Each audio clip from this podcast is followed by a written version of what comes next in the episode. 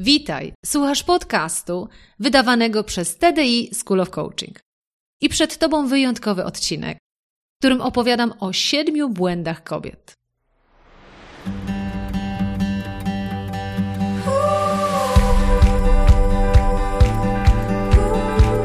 Witaj w serii podcastów TDI School of Coaching.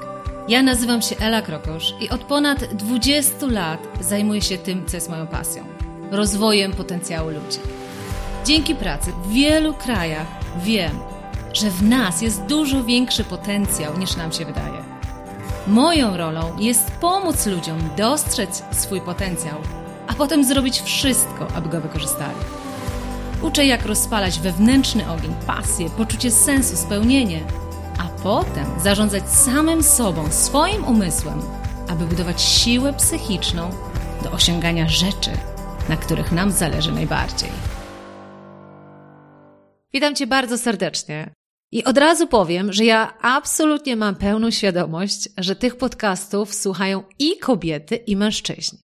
Ale pozwól od razu, że przeproszę, że ten podcast będzie specjalnie dedykowany dla kobiet. Między innymi dlatego, że 8 marca to był Dzień Kobiet, a ten podcast wychodzi w marcu, to czemu by nie poświętować miesiąca kobiecego? Ale tak też na poważnie, to powiem od razu, że do nagrania tego podcastu zainspirowały mnie decyzje kilku z organizacji, z którymi pracuję, decyzje dotyczące tego, żebym poprowadziła wykład motywacyjny dla kobiet w ich organizacjach. Ja zawsze podkreślam, że ja pracuję z profesjonalistami. I bez względu na to, czy to są kobiety, czy mężczyźni, dla mnie najważniejsze jest to, żeby ktoś był profesjonalistą w tym, co robi. Ale zainspirowana właśnie tymi zapytaniami, pomyślałam, że może faktycznie jest coś w tym, że kobiety potrzebują czegoś dodatkowego. I sama ostatnio prowadziłam zajęcia na studiach Executive MBA z zarządzania talentami i ponownie zobaczyłam, że w grupie 20 studentów tylko 4 są kobiety. Czyli faktycznie coś w tym jest, że im wyżej jesteśmy na szczycie, tym mniej jest nas tam kobiet, a tym więcej jest mężczyzn. I ja zawsze powtarzam, że w ogóle nie chodzi mi o to, żeby motywować kobiety do tego, żeby iść na szczyt. Dlatego, że uważam, że każda z nas podejmuje swoją właściwą decyzję, czy szczyt to jest to, czego ona pragnie. Natomiast zawsze mówię, że należy walczyć o swoje własne szczyty, szczyty życiowe, o to, żeby mieć dla siebie pewne wyzwania, samemu sobie udowadniać, że możemy więcej, że stać nas na więcej. I to nie po to, żeby udowodnić innym, jakimi jesteśmy niesamowitymi osobami, ale po to, żeby sobie udowodnić, że można żyć w sposób bardzo inspirujący. I w marcu przygotowałam e, specjalny masterclass, specjalny webinar, który nazwałam Siedem błędów kobiet w budowaniu silnej pozycji zawodowej. I ten masterclass miałam przyjemność prowadzić na początku marca. I może, może nawet powiem, że zaskoczyła mnie tak wielka liczebność grupy, która się pojawiła na żywo. Było to prawie 500 kobiet. Drugie tyle potem pobierało nagrania, czyli widać, że temat jest naprawdę bardzo ważny. I z wielką ciekawością przeglądałam się, kto się pojawił na tym webinarze, bo oczywiście mam dostęp do takich danych że na tym webinarze pojawiło się wiele kobiet, które spokojnie można powiedzieć są już kobietami sukcesu. Ale jak ja to też podkreślałam w tym masterclass, chodzi o to nie tylko, żeby iść na szczyt, ale chodzi o to, żeby mieć każdego dnia poczucie, że żyjesz, jak ja to mówię, prawdziwie i odważnie. I dlatego też postanowiłam, że nagranie z tego webinaru udostępnię szerszej publiczności. Nie tylko tym, którzy byli zapisani na webinar, ale ponieważ jest to tak ważny temat, to że przerobimy go na podcast. Po to, żeby nie tylko osoby zapisane mogły posłuchać tego, ale wszystkie, które regularnie słuchają moich podcastów. Zapraszam Cię bardzo serdecznie do posłuchania tego webinaru. Od razu uprzedzam, to jest bardzo długi webinar, zajmuje ponad 60 minut. Być może warto sobie to podzielić, ale na pewno warto tego posłuchać. Natomiast jeżeli masz ochotę popracować ze mną jako Twoim coachem czy Twoim mentorem i jesteś też kobietą, to szczególnie podkreślę, że w ramach self-coaching program, w którym to jestem coachem i który też prowadzę, temat nasz najważniejszy na marzec to jest odwaga kobieca. Jak ją budować? Także jeśli masz ochotę, zapraszam Cię serdecznie. Więcej informacji znajdziesz na www.tdischoolofcoaching.pl ukośnik SCP. Teraz już zapraszam Cię do posłuchania podcastu. Także witam Was bardzo serdecznie na fenomenalnym webinarze, który poprowadzę nie tylko z wielką pasją, ale na pewno z wielkim sercem, dlatego że to jest na pewno temat też bardzo mi bliski. Będziemy mówić o kobietach i będziemy mówić o budowaniu e, silnej pozycji zawodowej. Dzień dobry, dzień dobry, widzę Małgosia, widzę część osób też witających się z Self Coaching Program. Witam Was bardzo serdecznie. Jak wiecie, to może od razu powiem dla y, uczestników Self Coaching Program, jak wiecie, marzec to jest nasz temat, gdzie będziemy pracować nad odwagą kobiecą, czyli będziemy rozmawiać właśnie o tym, jak budować odwagę kobiecą, także to o czym powiem dzisiaj, na pewno Wam się też przyda w marcu, gdzie będziemy głębiej nad tym pracować. Także e, witam serdecznie wszystkich, w tym też bardzo serdecznie witam już uczestników Soul Coaching Program. E, ja się długo, słuchajcie, powiem szczerze, długo się zastanawiałam, czy w ogóle poprowadzić ten webinar. E, może powiem dlaczego. Dlatego, że ja generalnie bardzo dużo pracuję w ogóle z biznesem i w tym biznesie się nie rozróżnia, czy to jest kobieta, czy to jest mężczyzna. Po prostu jest biznes. Natomiast ponieważ 8 marca to jest Dzień Kobiet, to mm, wiele firm, takich bardzo dużych firm, przyszło do mnie i powiedziało: Słuchaj, Ela, czy ty mogłabyś poprowadzić taki wykład motywacyjny dla kobiet? Mówię, dla kobiet, ale po co dla kobiet?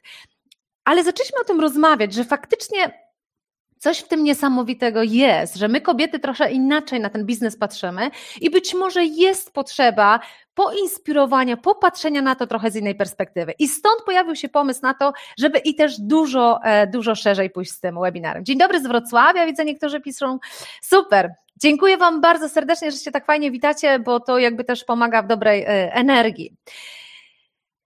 Temat niesamowicie istotny e, i zanim przejdę do tematu, słuchajcie, mam dla Was takie pytanie. Powiedzcie mi, bo widzę, że widzicie Słoneczny Poznań, pozdrawia, Wrocław, e, a ja mam takie pytanie. Napiszcie mi, bo to jest bardzo ciekawe. O, Kamila przy dzień dobry Panielu, po raz drugi, o, cieszę się bardzo.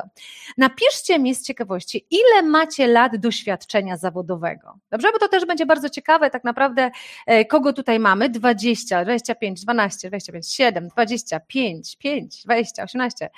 Okej, okay. 113, to miało być 11 albo 13. Okej, okay. dobra, widzę, że idą, idą cały czas odpowiedzi. Ja nie będę czekać aż na wszystkie. Natomiast dlaczego ja o to pytam? Jakby wy sami sobie to zaobserwujcie, jakby jakie osoby mamy tutaj na webinarze, jakie osoby mamy zapisane. Dlatego, że nam na webinar w bardzo krótkim okresie, jak ogłosiliśmy ten temat, zgłosiło się prawie tysiąc osób. I to tylko pokazuje, jak wielka jest waga tak naprawdę tego tematu. I nawet pytając was, ile macie lat doświadczenia, to właśnie po to, bo ja chciałabym powiedzieć, że ten webinar ja uważam jest dla trzech typów, e, jakby trzy typy kobiet moim zdaniem najbardziej potrzebują tego webinaru z mojego osobistego doświadczenia, o którym za moment e, też powiem.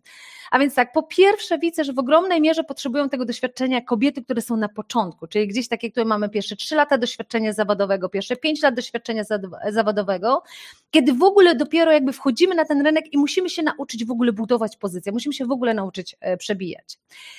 I to jest jeden typ osób, które jakby trochę jeszcze nie do końca być może wierzą w swoje kwalifikacje i dopiero muszą gdzieś tam to zbudować. Po drugiej stronie, po drugim biegunie, dlatego widzę, że jest też osób właśnie trochę, które ma 18 lat doświadczenia, 20 lat doświadczenia.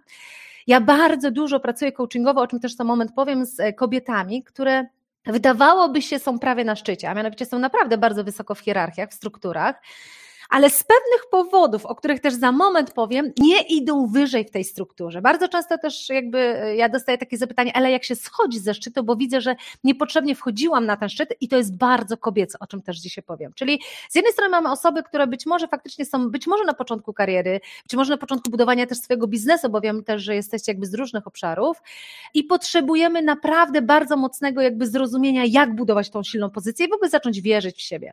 Ale chcę też pokazać, że mamy z drugiej strony kobiety, które wydaje się mają 20 lat doświadczenia zawodowego, natomiast być może są właśnie na tym webinarze, dlatego że mają poczucie, i to mówię, ja bardzo mocno z takimi też pracuję indywidualnie, że im wyżej wyjdziesz, to albo się trudniej przebić, albo z jakichś powodów, o których też powiem, nie za bardzo mamy ochoty się dalej przebijać. I o tym też trochę powiem. Jest grupa środkowa, którą ja nazywam, że to, są to kobiety, które bardzo mocno jakby są na tym etapie mocnego inwestowania w siebie, swoją karierę czy w swój biznes, natomiast idą za wolno. Czyli można byłoby powiedzieć, że idą w swoją stronę, jakby mają już wystarczająco odwagi, żeby na przykład pójść tą swoją stronę, którą sobie wymyślą, ale gdyby popatrzeć na tempo, w jakim idą, to zdecydowanie gdyby miały więcej tej takiej odwagi, o której będę dzisiaj mówić, to poszłyby dużo szybciej, nie? Także to też bardzo ciekawe właśnie, gdzie jesteście. Ale zobaczcie nawet z tej pierwszej, z pierwszego pytania, ile macie lat doświadczenia, zobaczcie, jaki mamy bardzo ciekawy miks. Także ja będę się do tego też tutaj odnosić, bo widziałam, jak się zapisywaliście, widziałam, jak na LinkedInie osoby na przykład pisały, że chciałyby faktycznie wziąć udział w tym webinarze, to ja z ciekawością przyglądałam się Waszym stanowiskom i to dokładnie potwierdza to, co ja też widzę z obserwacji w moim e, doświadczeniu. Ale za moment się też e, przedstawię.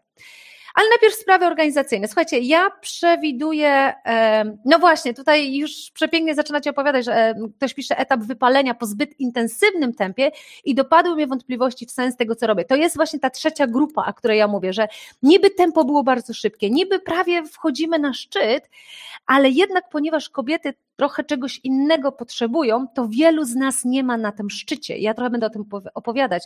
Ostatnio na studiach Executive MBA, gdzie ja prowadzę zajęcia i tam jest zawsze najwyższa kadra menedżerska, na 20 osób było tylko 4 kobiety. Nie? Także ja to też za moment pokażę, ale ja wiem, dlaczego te kobiety tam nie idą i trochę też o tym mm, opowiem. A propos właśnie wypalenia. 60 minut, postaram się zmieścić merytorycznie w 60 minut. Jeśli będą jeszcze jakieś pytania, potrzeba, żeby mi jeszcze chwilę dłużej została, to ja jakby tak też zorganizowałam e, mój kalendarz, żeby właśnie mm, na to przeznaczyć czas, także trochę będzie też czasu po. Pytania. Słuchajcie, mam taką prośbę, żebyście tak, jeśli chodzi o pytania merytoryczne, takie bardzo mocne do tematu, które Wam się już cisną, żebyście je trochę zostawili pod koniec webinaru, e, dlatego że ja jakby najpierw przejdę przez tą koncepcję, to wszystko, co Wam chcę pokazać i czasami trudno mi się e, wyrywać jakby z kontekstu, który prowadzę i patrzeć na, na, na Wasze pytania, a Wy czasami je szybko zadajecie, i nie chciałabym nikogo pytania pominąć cennego, nie? A potem, jak ja już widzę na samym końcu tylko te pytania, to mogę to y, y, pominąć. No, pierwsze pytanie się nam y, pojawia, czy będzie nagranie? No właśnie, idę do nagrania. Tak, ponieważ na webinar zapisało się prawie tysiąc osób, a nasz pokój webinarowy też nie mieści aż tysiąca, tylko y, zdecydowaliśmy się na 500 osób, to zdecydowaliśmy się to nagrywać. Także jeśli na przykład ktoś właśnie będzie na tym e, i będzie musiał pójść, to jest nagranie. Ewa się już uaktywniła, zobacz, tak będzie nagranie, odpowiedziała, dlatego że mamy też moderatora moderatora tutaj, e, czyli Ewa będzie osobą, która będzie odpowiadać na pewne takie pytania techniczne wasze, żebym jakby ja się dla was skupiła na merytoryce. Obiecałam też wam e, pewien materiał i to będzie taki materiał, do którego nawet Was zachęcę, żebyście sobie wydrukowały i tutaj będę już mówić do takiej funkcji, e, jakby będę formy żeńskiej używać, dlatego że zakładam, że mamy w większości tutaj kobiety, także pozwolę sobie mówić, żebyście sobie wydrukowały. Także to będzie taki materiał, który poproszę, żebyście sobie wydrukowały. Jedna z moich coachowanych e, sobie go wydrukowała i powiedziała, że nosi go tak, tak naprawdę prawdopodobnie do dziś, po to, żeby nigdy nie zapomnieć o tym, co się w tym materiale pojawia. E, w naszej grupie, pisze Aneta M, było 7 kobiet na 22 osoby. Czyli zobaczcie, że ciągle jest właśnie pokazane, że jakby ten rozkład jest, jest e, inny. Kolega z zabiórka też podsłuchuje. Dobrze, niech żonę potem w takim razie albo kobiety w pracy y, motywuje. Pozwólcie, że się przedstawię, bo ja wiem, że jest dużo osób też z self-coaching program, które mnie znają albo z innych obszarów się znamy, ale ja może powiem słów kilka o swoim doświadczeniu, też żebyście wiedziały skąd jakby te rzeczy, o których będę opowiadać. A więc ja zajmuję się rozwojem ludzi od ponad 20 lat, pracując w różnych krajach na całym świecie i to też jest fascynujące obserwować te różnice kulturowe i to, jak my kobiety w różnych krajach do tego podchodzimy. Na dzień dzisiejszy ja pracuję w dwóch tematach najważniejszych, czyli w przywództwie pracuję z kadrą menedżerską, i w talentach. I w talentach, nie tylko w zarządzaniu talentami, gdzie wyszukujemy potencjały w organizacji i je rozwijamy, ale ja też mówię w talentach jako wykorzystywaniu umiejętności wykorzystywania swoich własnych talentów. Nie tylko talenty Galupa, jeśli ktoś też e, e, rozumie ten temat, czy jest jakby są talenty Galupa, się określa 34, tylko ja w ogóle mam taką ideologię, że każdy z nas ma swoje talenty, i ja mówię, że talent to jest dar, nosi, który nosimy w sobie, i jeśli nauczymy się dobrze go wykorzystywać i nawet na nim budować pozycję zawodową, to nie grozi nam tak naprawdę e, wypalenie e, zawodowe. Ale o tym powiem też e, za moment. Ja przez pięć lat pracowałam wewnątrz organizacji jako menedżer do spraw rozwoju ludzi w Irlandii, w największym banku irlandzkim, gdzie robiliśmy strategię dla 8,5 tysiąca osób. Potem kompletnie inna kultura. Słuchajcie, mm, OMV, branża paliwowa, Austria, talent konsultant, czyli też zarządzanie talentami. Na dzień dzisiejszy pracuję w Polsce, prowadzę m.in. self-coaching program, o którym być może później powiem i właśnie też m.in. pracuję z kadrą menedżerską i też z wieloma mm, osobami. Dla tych z Was, którzy będą mieli ochotę na więcej, to słuchajcie, są dwa typy podcastów, od razu powiem, które wydajemy. Talent Development Institute to tutaj są podcasty z serii o rozwoju ludzi profesjonalnie. Gdyby ktoś chciał się tym zająć, e, to to są fenomenalne podcasty. Znajdziecie je na naszej stronie na talentdevelopmentinstitute.pl. Dla tych z Was, co będą chcieli zgłębiać te rzeczy, o których będę dzisiaj szczególnie mówić i będziecie chcieli mocniej popracować właśnie nad swoimi przekonaniami, nad, nad budowaniem zaufania do siebie, nad niewypalaniem się, to mamy podcasty o coachingu, pasji i rozwoju, wydawane przez TDI School of Coaching. E, ja jestem też autorką książki. Mm, jeszcze nie trąbiłam całemu światu, ale na pewno zacznę, bo 16 lutego wyszła premiera książki. Ty też to masz. Właśnie odkryj swoje talenty i to, co kochasz e, i potrafisz robić najbardziej. I to jest książka, uwaga, jak masz dwa lata doświadczenia zawodowego, nie pomoże ci ona, ale jak masz dziesięć, to zdecydowanie Wam polecam, bo to jest wtedy, kiedy budujesz na tym tak naprawdę, na swoich poprzednich doświadczeniach i odkrywasz właśnie, w którą stronę pójść, żeby się nie wypalić, tylko oprzeć tą drabinę o właściwą ścieżkę, bo jak będę opowiadać, e, to ja pracując i z kobietami, i z mężczyznami, Gosiu, autograf oczywiście e, dostaniesz. I z kobietami, i z mężczyznami, to ja widzę, że dla kobiet, o czym też będę mówić za chwilę, jednym z takich powodów, dlaczego się też nie wspinamy, nie budujemy tej silnej pozycji zawodowej, jest to, że my nie chcemy jako kobiety samego sukcesu. My chcemy sukces z poczuciem spełnienia, nie? I to nie ma co się kłócić, to jest lepsze podejście, to jest gorsze podejście, tak? Tylko chodzi o to, że po prostu my tak jako kobiety mamy, że my potrzebujemy pewnej misji w życiu, my potrzebujemy pewnego spełnienia, tak? I dlatego wiele kobiet odpuszcza tą karierę, odpuszcza budowanie tej pozycji zawodowej, bo nie widzi tam w tym sensu i o tym też będę mówić. Kinga książka jest w, wszędzie, czyli jakby w Empiku, we wszystkich tych. Jeśli będziesz chciała autograf, to zgłoś się z wielką przyjemnością. Znajdzie Znajdziecie też nas na Chili Z, jest taka na przykład audycja Pasjonauci, ja tam występowałam, czy w czwórce też rozmawialiśmy o różnych rzeczach i artykuły, zobaczcie, bardzo biznesowe, w prasie bardzo biznesowej. Ja to podkreślam, dlatego, że wyobraźcie sobie, że kiedyś mm, bardzo cenną rzecz jedna kobieta powiedziała, mówi tak, ja się wypisuję ze wszystkich stowarzyszeń kobiecych, bo nie ma stowarzyszeń męskich, to po co tworzyć stowarzyszenia kobiece? tak? W związku z tym ja się wypisuję i ja w ogóle postuluję, żeby nie było stowarzyszeń kobiecych, bo to tak jakbyśmy jeszcze mocniej podkreślały, że my, my jesteśmy słabsze. I ja rozumiem ten tok, jakby te, te, ten tok myślenia i zobaczcie, że ja jestem bardzo mocno jakby w biznesowych miejscach, ale ja z mojego doświadczenia wiem, bo mówię, pracuję i z mężczyznami, i z kobietami, i ja wiem, że naprawdę my się, e, my się tutaj możemy e, pogubić w tym, dlatego że biznes dla kobiet jest dosyć świeży. My jeszcze nie do końca ogarnęłyśmy między innymi radzenie sobie pomiędzy potrzebą bycia mamą, a potrzebą też realizacji i tak dalej, i tak dalej. I my jesteśmy inne jako kobiety, dlatego nie bójmy się też o tym mówić i dlatego też o tym e, będę e, opowiadać. A o czym będę mówić? Będę mówić o, po pierwsze, o siedmiu największych błędach, jakie popełniamy jako kobiety w budowaniu naszej pozycji na podstawie badań Sally Helgesen. Potem powiem o dwóch kluczowych umiejętnościach, które musimy w sobie rozwinąć, jeśli faktycznie chcemy e, jakby e, budować tą silną pozycję. I powiem Wam o jednym sposobie, którego z mojego doświadczenia zdecydowanie pomoże Wam zwiększyć, jak ja to mówię, Waszą pozycję aż trzykrotnie, co najmniej trzykrotnie. I o tym powiem. Szklany sufit. Słuchajcie, kiedy myślimy sobie o tym, o kobietach w biznesie, to bardzo często pojawia się taka terminologia, która się nazywa szklany sufit. Czyli coś, co nas ogranicza jako kobiety, tak? I ja się bardzo często zastanawiam nad tym właśnie, co jest tym szklanym sufitem. I teraz my mamy tendencję do, że tak powiem, obarczania trochę biznesu za to, tak? Ale zobaczmy najpierw, czy naprawdę mamy szklany sufit, tak? Czy naprawdę jest tak, że nas kobiet jest mniej, że mamy jakieś przeszkody, nie? Ja sobie ściągnęłam trzy statystyki, które trochę to pokazują. A więc tak, po pierwsze badania Hey Group, to sprzed kilku lat, ale myślę, że to nadal aktualne. Zobaczcie, że tutaj były, było pokazane badania przeprowadzane w 728 firmach, jaki jest rozkład kobiet i mężczyzn na poszczególnych szczeblach w organizacji. Tak? I zobaczcie, co się dzieje. Na samym dole mamy pracownicy e, operacyjni, stanowiska niewykwalifikowane. Tak? 64% jest kobiet, 36 mężczyzn. Idziemy wyżej. Pracownicy operacyjni, czyli już pracownicy bardziej wykwalifikowani. Tu trochę mamy więcej tych mężczyzn niż kobiet, bo to się pojawiają te takie stanowiska operatora, tak? czyli takie, takie bardzo mocno techniczne, podejrzewam, w wielu firmach produkcyjnych. Potem idziemy do pracownicy biurowi. Zobaczcie, tutaj znowu trochę kobiet jest więcej. I potem im bardziej idziemy w górę, to zobaczcie, zaczynamy już od kadry menedżerskiej. Zobaczcie, co się dzieje. Na poziomie kierowniczym Zobaczcie, 42% kobiet. Na poziomie już dyrektorskim 35% kobiet. Na podstawie wyższej kadry zarządzającej 24% kobiet.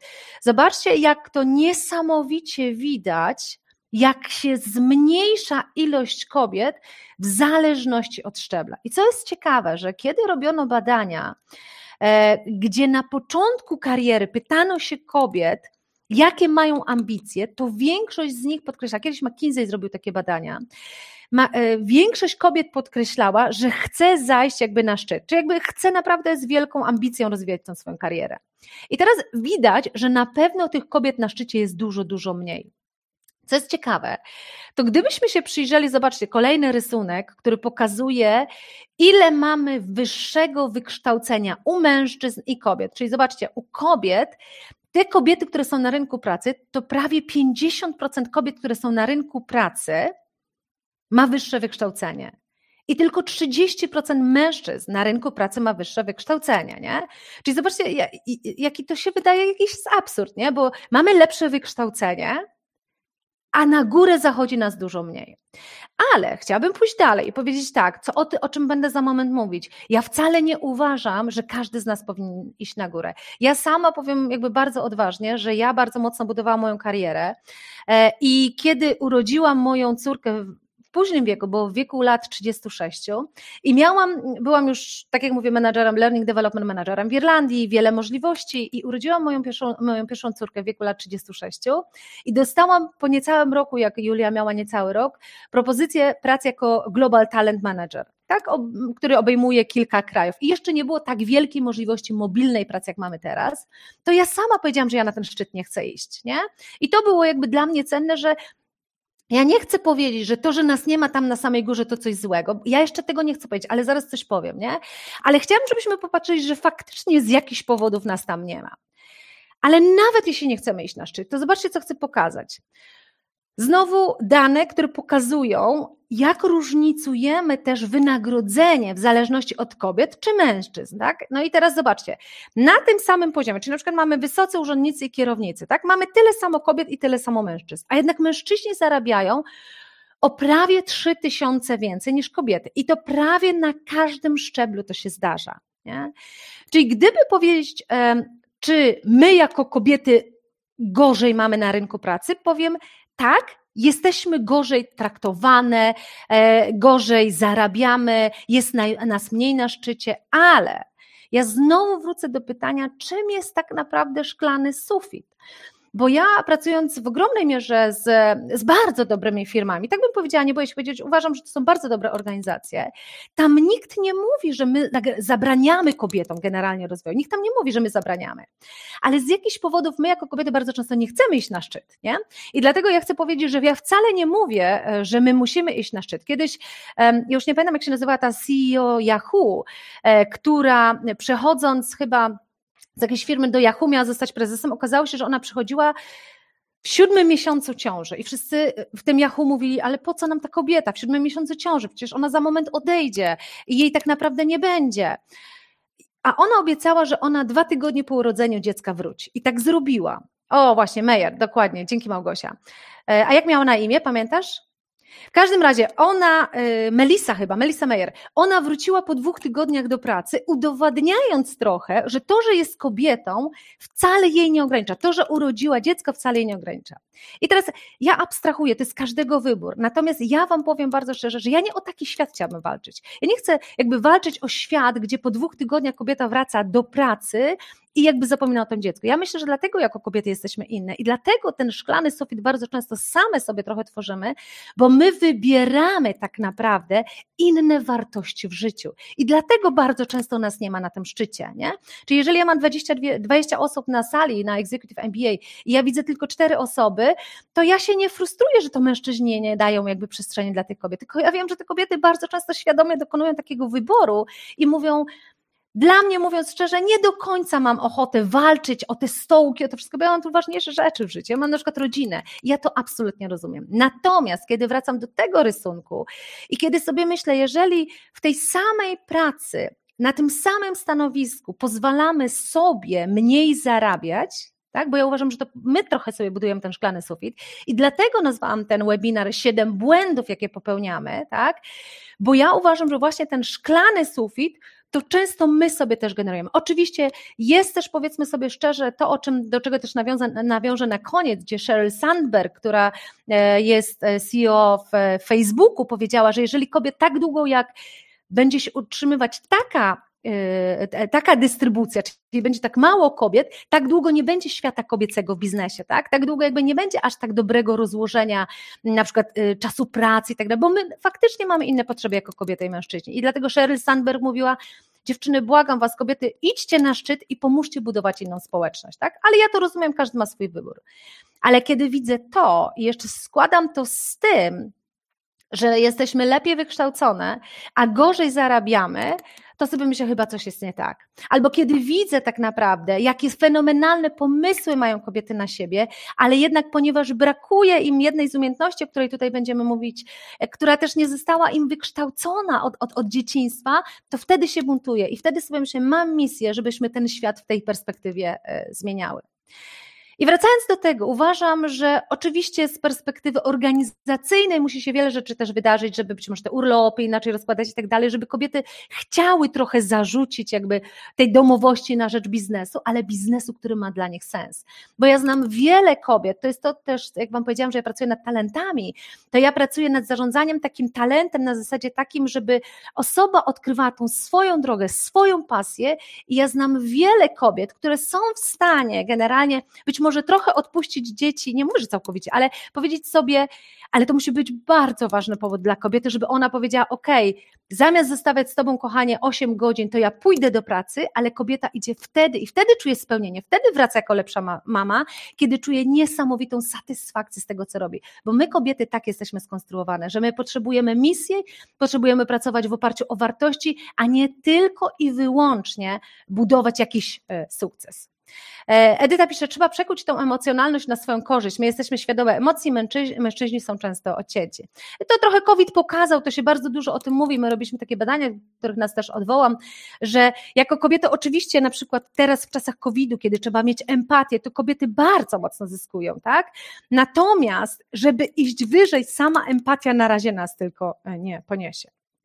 I dzisiaj podczas tego webinaru chciałabym mocny nacisk położyć na to, na co mamy wpływ, czyli na generowanie takich rozwiązań, które nam pomogą lepiej budować naszą pozycję zawodową, bo o to mnie tak naprawdę, e, e, o to mi chodzi. Bo zobaczcie, co się dzieje. Nam się wydaje, że biznes wygląda tak. Czy jest ta fajna różnorodność, tak? Kobiety też są tak doceniane, jest generalnie taka fajna dynamika, ale prawdziwy biznes wygląda tak. Nie? E, I teraz nie chodzi o to, żebym miała coś przeciwko tym mężczyznom. To mówię naprawdę, podkreślam, bo ja bardzo dużo z nimi pracuję i jakby uwielbiam ich. Natomiast, co chcę powiedzieć, nie ma co się buntować przeciwko temu. Biznes powstał jakby, jakby biznes stworzyli mężczyźni. Przez długi czas, jakby patrząc historycznie, no tak było, że kobiety nie były przeznaczone do pracy, był kompletnie inny biznes i my jesteśmy ciągle jakby w takiej transformacji kulturowej. I biznes jeszcze ciągle wygląda tak i reguły, które tam są, są bardzo męskie. I teraz nie chodzi o to, że kobiety mają się nagle zmieniać w mężczyzn, żeby w tym świecie się odnajdywać, ale muszą rozumieć, jak to nazywa przepięknie Sheryl Sandberg, tą grę, żeby się do niej włączyć i rozumieć, jak sposób w jaki na dzień dzisiejszy funkcjonują, nie do końca pomaga im jakby w tej grze, w którą tutaj trzeba grać. Ja szczerze wierzę, że z czasem w tej całej naszej rewolucji Dokładnie tak będzie. I teraz zobaczcie, jeżeli pokazywałam różne szczeble, to jest ten szczebel niższy, ten pierwszy menedżerski, gdzie tak jest, czyli jakby jest mniej więcej pół na pół, ale im wyżej w tej strukturze, tym więcej jest tak.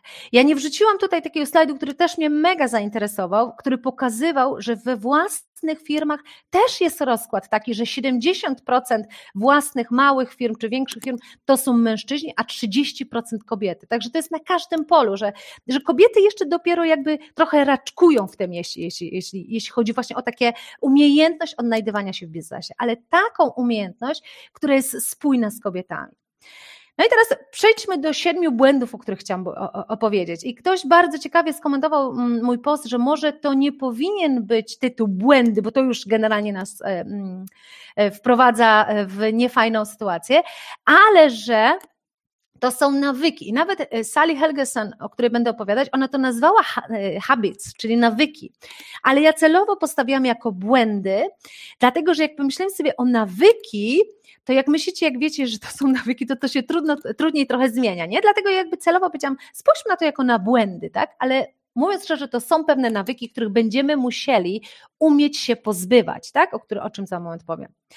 I teraz e, Marshall Goldsmith mm, to jest człowiek, który pracuje w biznesie, trener przywództwa od wielu, wielu lat, jeden z, chyba z najważniejszych, e, jeśli chodzi o, e, o przywództwo. I on wydał wiele książek, ale jedną z ciekawych książek, którą napisał, to What Got You Here Won't Get You There.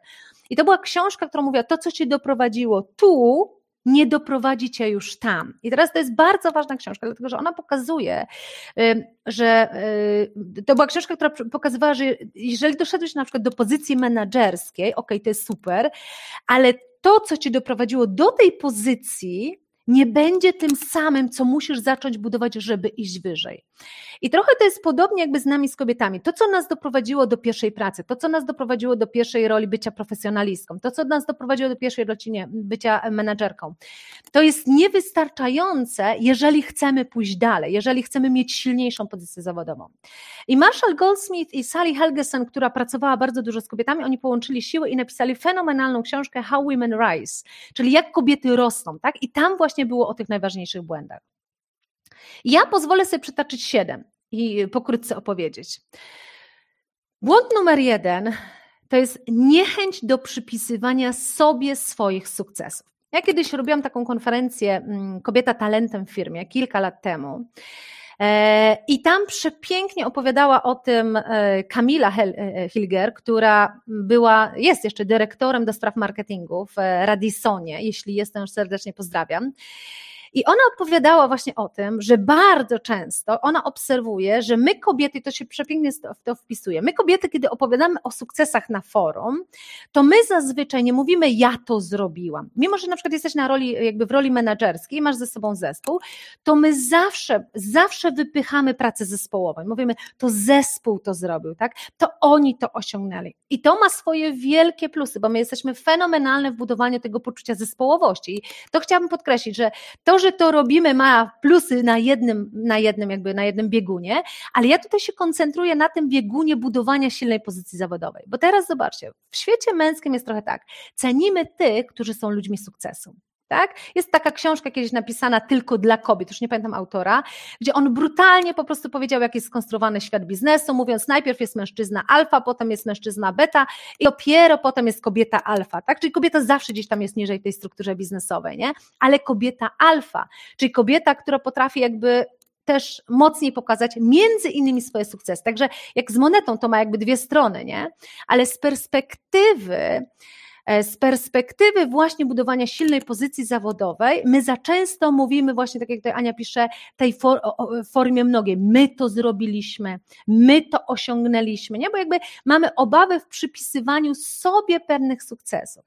Natomiast pierwsza rzecz, którą musimy zmienić, jeśli chcemy e, e, uzyskiwać jakby też pewne poszanowanie w środowisku, musimy mówić, ja to zrobiłam z moim zespołem, ale wynajdywać okazję do tego, żeby podkreślać ja Nie? To jest tak, e, tak zakorzenione w nas kobietach, że, że my raczej wypychamy innych, że my nie będziemy się wyróżniać. Natomiast to jest jeden podstawowy błąd, o którym mówi Sally Helgeson i Marshall Goldsmith. Jeśli nie nauczysz się czasami przypisywać swoje sukcesy, trudno ci będzie zbudować silną pozycję zawodową. Także chciałabym Was trochę za, za, e, zachęcać do tego, żebyście, jak będę szła po tych błędach, żebyście sobie zapisywały w skali od 1 do 10, gdzie 1 to w ogóle, a 10 bardzo, na ile to może być też wasz błąd. Nie? I to jest jakby dla was, wy nie musicie się tym dzielić, ale chciałabym, żebyście wyszli z taką refleksją.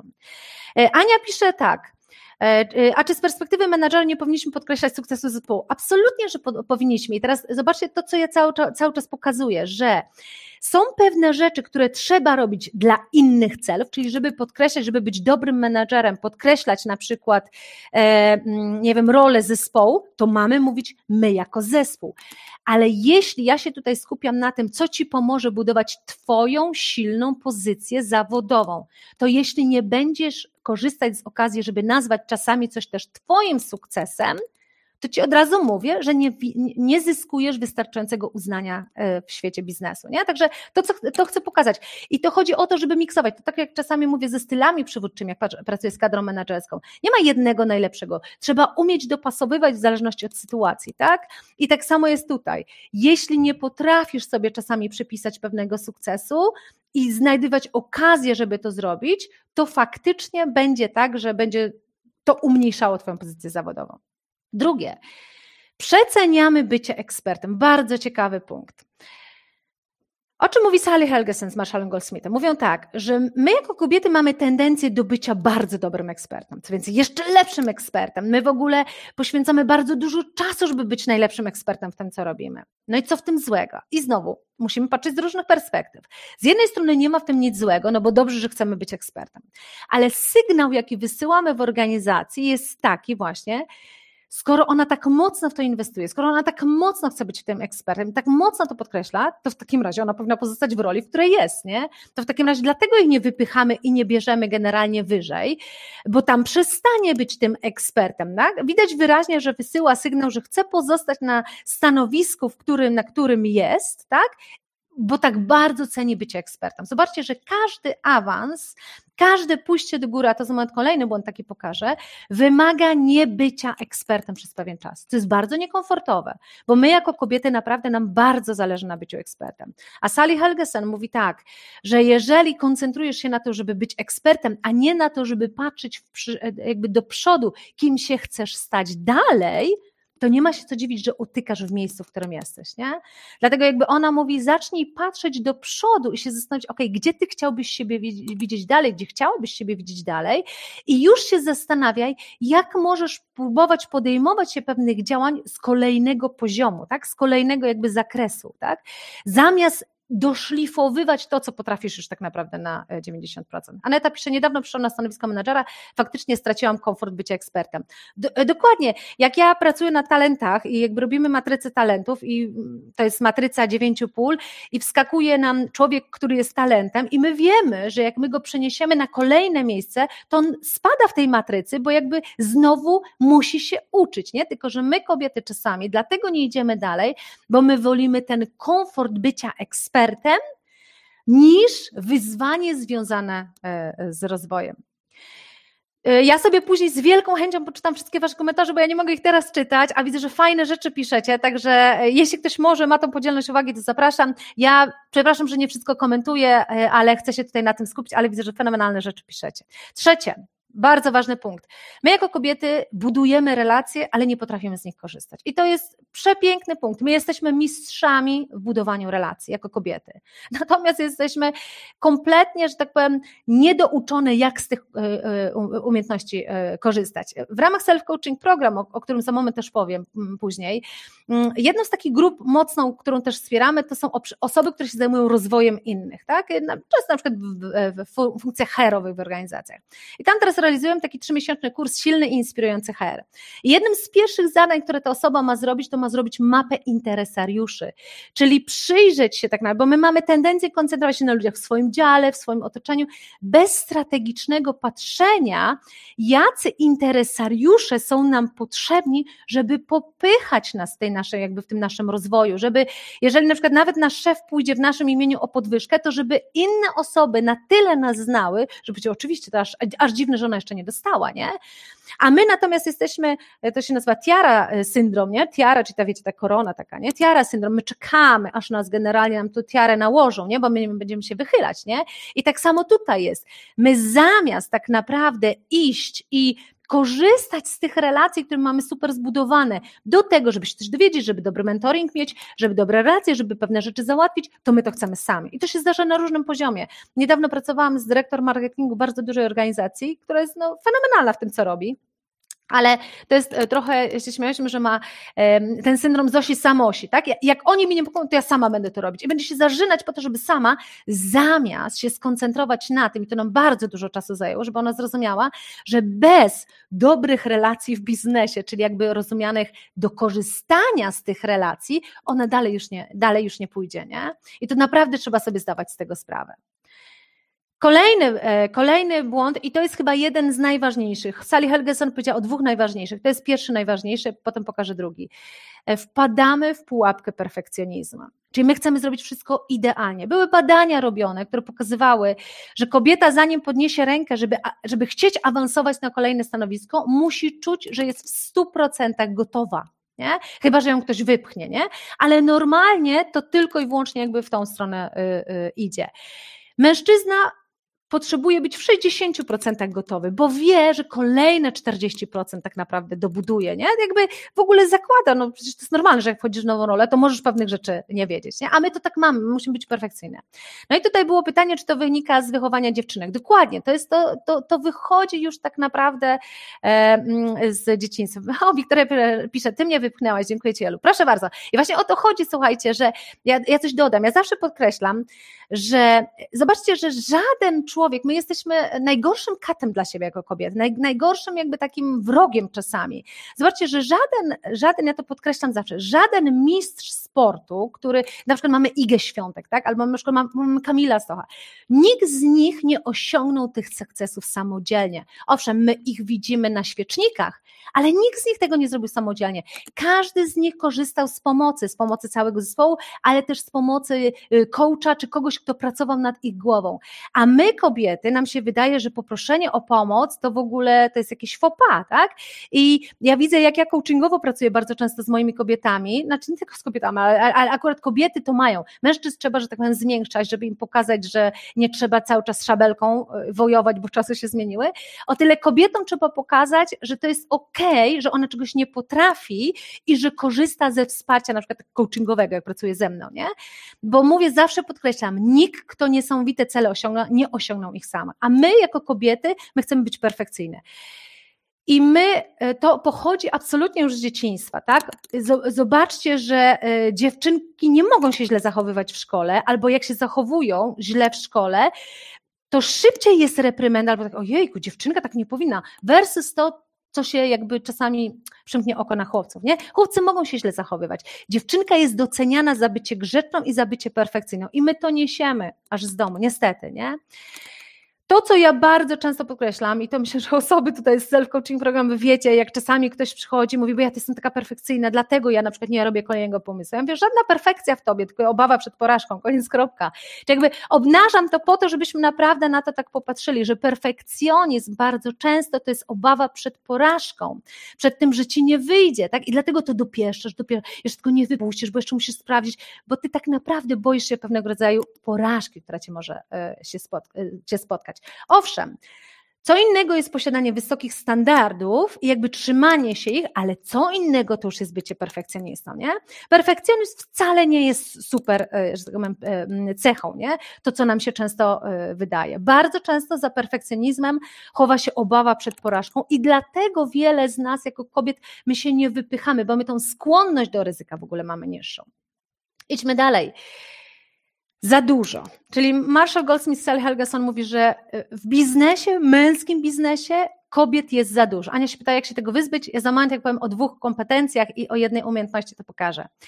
Za dużo. Czyli tak, biznes nie lubi emocji niestety. Tak? E, ja nie mówię, że teraz na przykład przepięknie COVID pokazał, że ta empatia, która jest elementem emocji, jest niesamowicie przydatna, ale to jest znowu trochę transformacji tak naprawdę w biznesie teraz potrzeba. Taka emocja, okej, okay. ale wiecie, my jako kobiety mamy różne emocje e, w biznesie. Biznes jednak jest stonowany, tak?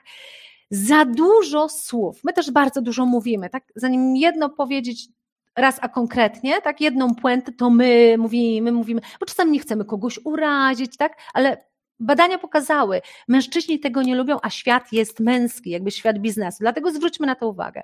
I za dużo prywatności, tak? My kobiety to jest dla nas naturalne, że my tam wyciągamy z domu różne rzeczy przynosimy.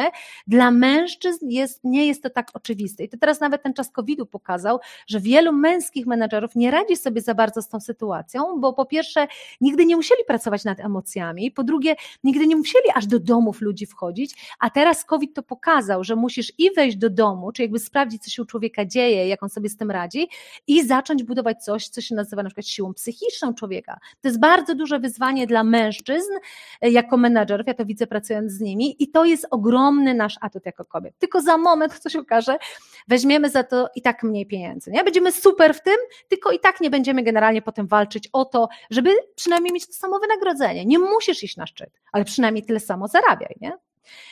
No i szósty błąd, e, minimalizujemy siebie, czyli my mamy tendencję wypychania innych, tak, naszym kosztem. I no, przepraszam, że o to spytam, nie? I to jest już minimalizowanie, nie? Zamiast z odwagą spytać o to, co chcesz spytać, to e, przepraszam, że ja przerwę tą dyskusję, nie? Proszę cię, pokaż mi generalnie w środowisku męskim e, mężczyznę, który, e, ja przepraszam, że ja to, o to spytam, nie? Po prostu chcę pytać, to pyta, nie? Mówi, e, ja chciałam o coś spytać, nie? I to są takie niuanse, które na poziomie podświadomości budują pewien jakby pewną opinię na temat tej osoby, nie? Myślę, że czujecie to, kiedy, przepraszam, przepraszam, że spytam. Albo kto by o tym pomyślał? A ty co sądzisz, nie? Że bardzo często Sally Helgeson pokazała taki bardzo ciekawy przykład, że kobiety zamiast powiedzieć, to jest to, co ja sądzę, na przykład wyobraźcie sobie zebranie, to jest to, co ja sądzę, czyli najpierw wyrażam swoje zdanie i teraz pytam, a, a co wy o tym sądzicie? Jakie jest wasze zdanie, nie? Taki mały niuans, nie? A dużo częściej, co robią kobiety, a mianowicie próbują innych, a ty co sądzisz, a ty co sądzisz, bo chcemy innych jakby wyciągnąć, tą pracę zespołową i siebie minimalizujemy. Nie tylko w oczach y, tego, y, na przykład załóżmy zespołu menedżerskiego, ale też obniża to nasze poczucie zaufania do siebie. My musimy mieć, musimy dokładnie wiedzieć jakby jakie jest nasze zdanie. Z chęcią poznamy tych innych, ale musimy e, mieć nasze. I dlatego, jak pamiętacie, to teraz powiem do osób, e, które są na self-coaching program, dlatego pamiętacie, jak e, w grudniu pracowaliśmy nad takim tematem, jak jak budować zaufanie do siebie. Bo jeżeli nie pracujesz nad budowaniem zaufania najpierw do siebie, do swoich decyzji, do swojego zdania, tylko właśnie wypytujesz cały czas innych, to nie dość, że siebie dla siebie minimalizujesz, ale jeszcze tak naprawdę e, minimalizujesz jakby swoją opinię e, na zewnątrz. No i e, siódmy błąd. I to jest drugi najważniejszy. Jak Wam powiedziałam, że perfekcjonizm jest najważniejszy, to to jest drugi najważniejszy. My bardzo chcemy być lubiane. Dla nas te relacje są tak bardzo ważne, że my jesteśmy w stanie schować siebie tylko po to, żeby nie było konfliktów. Sally Helgeson nazywa to nawet the disease to please, ona tak to nazywa, nie? Czyli tak choroba tego bycia miłym, nie? The disease to please, nie? Czyli ciągle bycia miłym dla innych, my siebie stawiamy na samym końcu po to tylko, żeby być lubianym. I często robimy to nieświadomie, nie? Były nawet badania, które pokazywały y, Heidi versus Howard, możecie sobie poszukać tych badań. To był eksperyment na Uniwersytecie w Kolumbii, gdzie opisano historię osoby sukcesu. Jedna to była Heidi, to była pani, a drugie opisano to jako Howard. Te same rzeczy, tylko że przedstawiono to jako mężczyznę. I dano to grupie studentów do przeczytania i potem zadawano im pytanie, jak myślicie, jaka była Heidi, jaki był Howard, ta, ta, ta, ta i tak dalej. Okazało się, że było dużo bardziej negatywnych tak naprawdę e, komentarzy wobec Heidi, że ona to pewnie szła po trupach i tak dalej, nie? Dlatego właśnie, że i mężczyźni, i kobiety generalnie jak widzą sukces u kobiety, to automatycznie lubią ją mniej, nie? Trzeba byłoby poszperać, z czego to wynika, ale faktycznie tak jest, że kiedy kobieta odnosi sukcesy, jest mniej lubiana. Kiedy Howard, czyli ten mężczyzna, były pytania właśnie odnośnie Howarda, okazało się, że wszyscy go lubili, jakby postrzegali to jako normalne, że to jest mężczyzna sukcesu, nie? I wtedy nie ma się co dziwić i tak naprawdę sobie dajcie też odpowiedź w skali od 1 do 10, na ile faktycznie dzieje się tak, że często nie wyrażacie swojego zdania, nie tupniecie wtedy, kiedy trzeba, nie zawalczycie o podwyżkę, nie zrobicie tego, co trzeba zrobić, dlatego, że zależy Wam na tym, żeby jednak być lubianym. Jesteście w stanie machnąć ręką powiedzieć, dobra, nie zależy mi na tym tak bardzo. I co więcej, nawet macie fajne wytłumaczenie, nie? że po, po, prostu mi na tym nie zależy, nie będę o to walczyć. A tak naprawdę chodzi o to, że nie chcecie być nielubiane. I tu jest taki, za co chcesz być nielubiana. Ja kiedyś nagrałam taki, ale tutaj Agnieszka pisze, mniej lubiana przez inne kobiety. Przewrotnie mężczyźni też to mają, ale kobiety to szczególnie, nie? Jakby coś mamy do tego. I dlatego, mm, dlatego ja tak mocno podkreślam, że ten sukces kobiety, odwagę kobiecą buduje się inaczej. Czyli tak jak mężczyzna może się rozwalić łokciami, nikt nie będzie miał do niego pretensji, o tyle kobieta, żeby iść na szczyt, ona musi trochę inaczej iść, żeby nie zgubić tego, co dla niej ważne, czyli żeby nie zgubić tego bycia lubianą. I to się robi odpowiednim, e, w odpowiedni sposób, ale właśnie w nasz taki kobiecy. Dlatego ja mówię, że to jest coś innego. Jakiś nagram taki podcast, za co chcesz być nielubiana, że każdy z nas musi sobie znaleźć taką rzecz bardzo ważną dla nas, za co, za co jesteście w stanie ponieść tą cenę, że będziecie nielubiane, nie? Ale to już jest grzebanie trochę, trochę, trochę głębiej, ale każdy z Was powinien mieć naprawdę taką siłę wewnętrzną, która mówi, za co ja tak naprawdę jestem gotowa być nielubiana. Bo to nie to, że ja chcę być nielubiana, ale jeśli nie lubisz mnie za to, to mówiąc szczerze, nie lubisz prawdziwej Eli, nie? Ale to jest właśnie praca na takim, wiecie, głęboko na poziomie potrzeb i tak dalej. No i teraz wracając, skoro jest tych siedem błędów, i tak jak mówię, my, my, podkreślamy te błędy, nie mówiąc, że to jest w ogóle zła rzecz, którą kobiety robią. My tylko mówimy, że biznes nie jest taki, tylko biznes jest taki. I jeżeli chcemy budować silniejszą pozycję, to po prostu dobrze sobie z tamtego zdawać sprawę. I mówię, nie musimy w ogóle iść na szczyt, tylko musimy mieć poczucie, że walczymy o swoje, że e, nie dajemy sobie jakby czegoś takiego, że za tą samą pracę gorzej zarabiamy i tak dalej, i tak dalej, nie? I teraz przechodzę do dwóch kompetencji, bo zaczynacie pytać, jak nad tym pracować. Czyli jakie są dwie kluczowe umiejętności, które są pomocne w eliminowaniu tych nawyków? No bo przecież o to chodzi, skoro tam to robimy, to są nasze błędy, to chodzi o to, żeby to wyeliminować. Nie? Jakie są dwie kompetencje? I teraz my, jako Talent Development Institute, robiliśmy e, kilka miesięcy temu takie badanie, gdzie pytaliśmy, jakie umiejętności powinna mieć kadra menedżerska ogólnie na te najbliższe miesiące, biorąc pod uwagę to, co się dzieje. I okazało się, to prawie 100 firm wzięło w tym udział, że e, najsilniejszą kompetencją, jaka jest potrzebna na dzisiejsze czasy, to była odwaga menedżerska. Tak?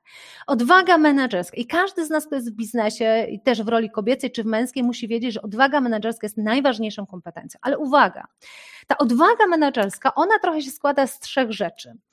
Z jednej strony to jest odwaga do podejmowania niepopularnych decyzji, za których właśnie ktoś cię może nie lubić, to jest raz. I to jest jakby też powiązane z tym y, odwagą do wchodzenia w konflikt, bo czasami musisz podjąć takie decyzje, które będą niepopularne i ludzie nie będą cię lubić. Druga odwaga to jest odwaga do tego, żeby podejmować decyzje, nawet jak nie wszystko wiesz, czyli umiejętność ryzykowania. Czyli to jest to nasz perfekcjonizm, który nas trzyma. I trzecia odwaga to jest odwaga do bycia autentycznym. I teraz, o ile ja bardzo często to widzę, że w tej populacji męskiej ta trzecia musi być najmocniej rozwinięta, bo oni naprawdę nie mają umiejętności, jakby nie potrafią być autentyczni, prawdziwi, szczerzy, e, pokazać się, kim są jako ludzie. My to kobiet potrafimy fenomenalnie i tą odwagę mamy. Ale odwagę, co ja nazywam taką odwagą kobiecą, i teraz przychodzę, jakie dwie kompetencje musimy posiadać, żeby budować silniej naszą pozycję zawodową, to jest odwagę, musimy mieć odwagę menedżerską, ale, ale ja to nazywam odwagę kobiecą, czyli odwagę do ryzykowania, odwagę do konfliktów, ale robić to w sposób kobiecy. Dlatego ja sobie pozwalam to nazywać odwagę kobiecą. Jak wiecie, mm, znowu powiem do osób z e, self-coaching program, dlatego my w marcu pracujemy nad odwagą kobiecą, tak? bo to jest inny typ odwagi. My nigdy nie będziemy miały ochoty, jakby typowe jakby kobiety do rozpychania się łokciami. Część z nas to robi, ale za moment czuje, że to nie jest do końca jej, nie?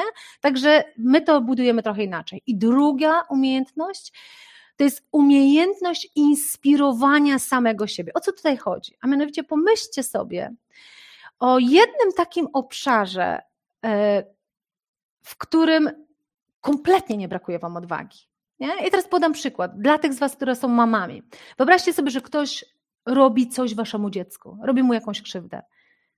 I pomyślcie sobie, ile odwagi miałybyście wtedy w sobie, żeby zawalczyć o to dziecko. Czyli ten zasób odwagi mamy w sobie, ale my go uruchamiamy wtedy, kiedy go potrzebujemy. I to wracam teraz do tego, że my go uruchamiamy wtedy, kiedy jesteśmy w stanie walczyć o coś, co my uważamy jest ważne. I dlatego ja uważam, że umiejętność inspirowania samego siebie, umiejętność stawiania sobie inspirujących celów będzie kluczem też do uruchamiania naszej odwagi. Bo kiedy wiesz na przykład, że możesz zawalczyć o coś, jak ostatnio pracowałam coachingowo z jedną z kobiet, która mówi, wiesz co, Ala, e, nie wiem, czy self-coaching program, pamiętacie tą sesję, to była sesja biznesowa, kiedy ona mówiła, że ma taką, taki problem, bo dotychczas pracowała z klientami i brała mniej pieniędzy za te usługi, ale czuje, że to jest moment, kiedy powinna brać więcej, ale no właśnie ma taką, wiecie, no się boi, bo trochę zburzy te relacje i tak dalej. I dopiero kiedy dotknęłyśmy tego, słuchaj, a jakie wartości chciałabyś swoim dzieciom przekazać? Ona mówi, chciałabym im pokazać, że powinny być pewne siebie i walczyć o siebie. Ja mówię, to tą sytuacją teraz, kiedy to ty zawalczysz o wyższe pieniądze od tych klientów, to jak tą sytuacją możesz pokazać wartości swoim dzieciom? I dopiero kiedy to kliknęło dla niej, kiedy ona zobaczyła, że faktycznie, gdyby popatrzyła na to w ten sposób, że swoją osobą, tym jak żyje, tym jaka jest, może być dowodem wartości, które chce w swoich dzieciach zbudować, dopiero wtedy miała więcej odwagi do robienia tego, co trzeba zrobić. Nie? I dlatego mówię, że ta umiejętność inspirowania siebie, znajdowania tych swoich inspiracji akurat dla kobiet będzie bardzo istotna, bo nas nie motywuje sam sukces. I dlatego, jak wiecie, e, tutaj dodam do self-coaching program, dlatego mieliście w lutym e, temat jak postawić sobie inspirujący cel na ten rok. Bo jak będziecie mieć inspirujący cel, to nie wiem, czego byście się bali, bo zobaczcie, co ja mówię, czym jest odwaga. Nie jest odważny ten, który się nie boi, lecz ten, który się boi, a mimo tego podejmuje te działania. A właśnie z czego przychodzi ta odwaga do podejmowania tych działań, nawet jak się boisz, kiedy masz inspirujący cel, nie? I dlatego jakby podkreślam, że te dwie najważniejsze kompetencje, które będziemy musieli budować, to jest odwaga kobieca do wychodzenia ze strefy komfortu i do bycia nielubianą i inspirowanie, bo z inspirowania przyjdzie ogromna siła do tego, żeby robić to, na co nie mamy ochoty.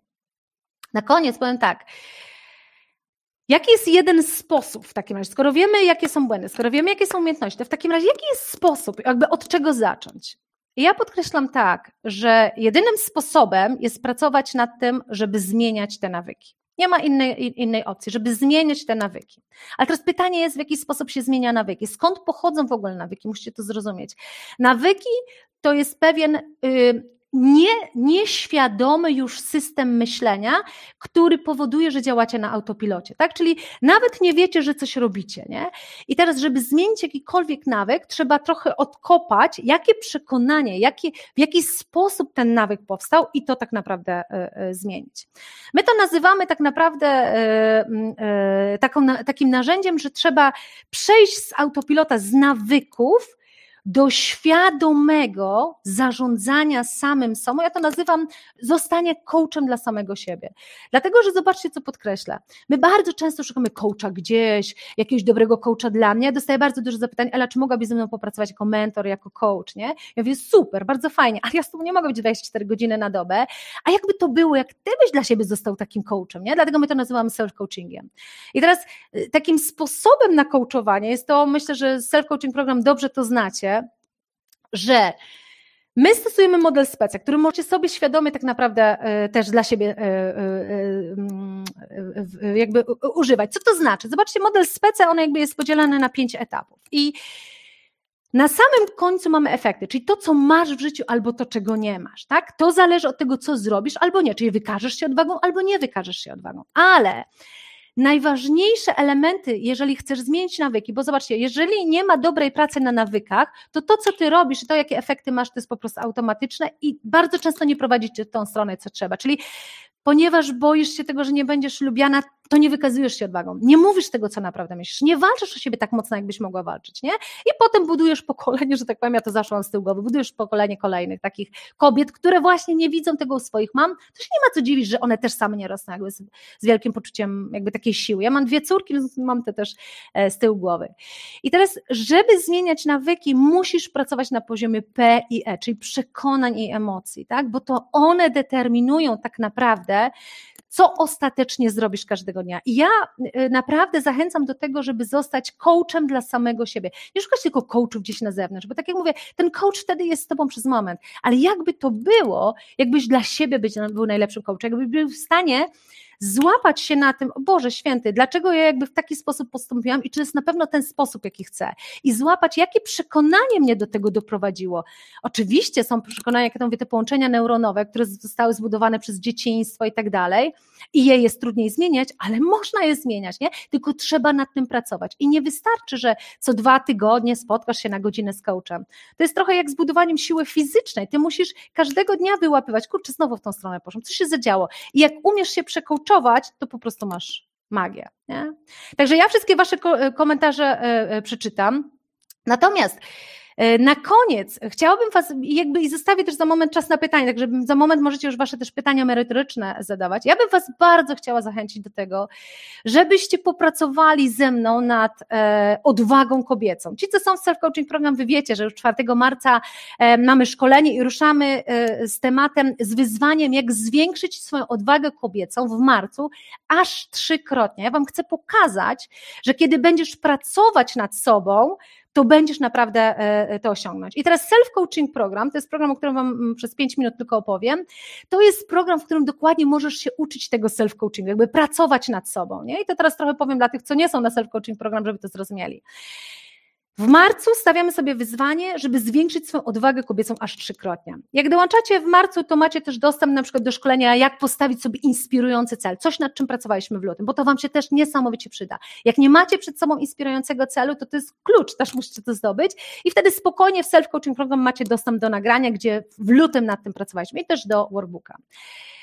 Moim celem jest spowodować, żebyście na koniec marca same sobie udowodniły, że kiedy siebie self-coachujecie, to zwiększycie swoją odwagę trzykrotnie. Ja, Ela pytała fajne pytanie, jak to zmierzyć? No właśnie między innymi na tym szkoleniu będziemy sobie stawiać wyzwanie, które mówi, ok, w jakim obszarze najmocniej chcesz jakby zwiększyć odwagę w marcu, żeby sobie udowodnić, jaki jest w tobie potencjał i co się z tobą dzieje, kiedy tak naprawdę jesteś w stanie to zmienić. I to ty sobie określisz, na czym polegałoby to trzykrotne zwiększenie Twojej odwagi w przeciągu tego miesiąca, nie? Czyli po czym Ty byś poznała, że to jest trzykrotne. Co jest istotne, to ja Wam też coś takiego pokażę, że My będziemy ten cel osiągać, bo teraz na przykład mówisz, jak to zmierzyć. My będziemy osiągać po pierwsze za pomocą szkolenia, czyli my sobie poprowadzimy takie godzinne szkolenie, gdzie właśnie pokażę, jak się buduje odwagę kobiecą. I teraz, jeżeli szkolenie z 4 marca, jeżeli już dziś wiecie, że nie macie przestrzeni, to nie przejmujcie się, bo wszystkie nasze szkolenia są na panelu, w związku z tym są one e, na, e, nagrane, tak? Czyli macie dostęp do nagrań. Oprócz szkolenia mamy workbook, czyli mamy jakby e, materiał do tego, żeby sobie nad tym pracować jakby każdego dnia. Ale mamy też sesje coachingowe, które są prowadzone na grupie, albo pracujesz jeden na jeden ze mną na grupie, albo słuchasz jak inni nad tym pracują, bo to prowadzimy jakby w podobny sposób, tak jak tutaj, albo na na grupie jakby słuchasz, jak inni na tym pracują, i wtedy też wiesz, wow, to tak ona tą odwagę buduje, nie? Bo my musimy się wymieniać tymi praktykami. My musimy naprawdę widzieć, w jaki sposób to dzieje, e, to się dzieje. I wtedy, jeśli się zastanowisz, jak to dla siebie zmierzyć, zgłaszasz się na sesję coachingową i ja ci pomagam ustalić, w jaki sposób my to zmierzymy, nie? Zobaczcie, ile książek powstało z asertywności. Pytanie jest, dlaczego nadal kobiety nie są asertywne? Dlatego, że nie wystarczy kolejną batalię teorii sobie włożyć, tylko się zastanowić, kurwa, z jakich powodów akurat ja, biorąc pod uwagę moją konstrukcję, moje dzieciństwo i tak dalej, funkcjonuję tak, a nie inaczej. I od tego jest self-coaching program, od tego są coachingi, żebyśmy nie wpajali kolejną teorię, tylko żebyśmy rozkładali to na czynniki pierwsze i mówili sobie, ok, to przyjrzyjmy się Twoim przekonaniom, zobaczmy, co tam się dzieje, zobaczmy, jak możemy to przekonanie przełożyć. I takich sesji coachingowych macie co najmniej raz na tydzień, za moment pokażę ten, y, ten kalendarz. A oprócz tego macie też mentoring, czyli na przykład może nie chcecie się zgłosić na coaching, ale macie bardzo ważne pytanie i ono przychodzi teraz, tak? To my wszystkie pytania zbieramy i potem mamy trzy razy w miesiąc mamy sesje mentoringowe, gdzie my na wszystkie pytania odpowiadamy. Czyli wiele pytań, które tu się pojawia, nie jestem w stanie na nie odpowiedzieć. My na mentoringu mówimy, słuchaj, mogłabyś zrobić to, tutaj należy na tym popracować tak, a nie inaczej, nie? I teraz e, w ramach rozwoju osobistego my się skupiamy na odwadze menedżerskiej na najbliższy miesiąc. Jak widzicie, wszystkie te sesje, wszystkie mentoringi, wszystko jest też nagrywane, czyli jeżeli nie jesteś w stanie być na żywo, to potem w panelu masz do tego dostęp non-stop. E, ktoś już zaczął zadawać pytanie, czy na przykład jak jest na kursie Silny Inspirujący Her, też to ma, bo właśnie self-coaching program, może teraz pokażę z lotu ptaka, to to jest comiesięczny program coachingowo-mentoringowy. On owszem ma też elementy szkoleniowe, bo jakby tą wiedzę szkoleniową też musimy wpajać. Dlatego na przykład odwadze o odwadze kobiecej, jest o budowaniu zaufania do siebie, do tego też macie dostęp w naszej bazie teraz szkoleń. Są tematy biznesowe, bo na przykład być może ktoś z Was potrzebuje zwiększyć tą odwagę w roli menedżerskiej, nie? To są też biznes klasy. Są tematy HR-owe, jest Akademia Coacha, czyli jakby wiele różnych szkoleń, które też jakby są.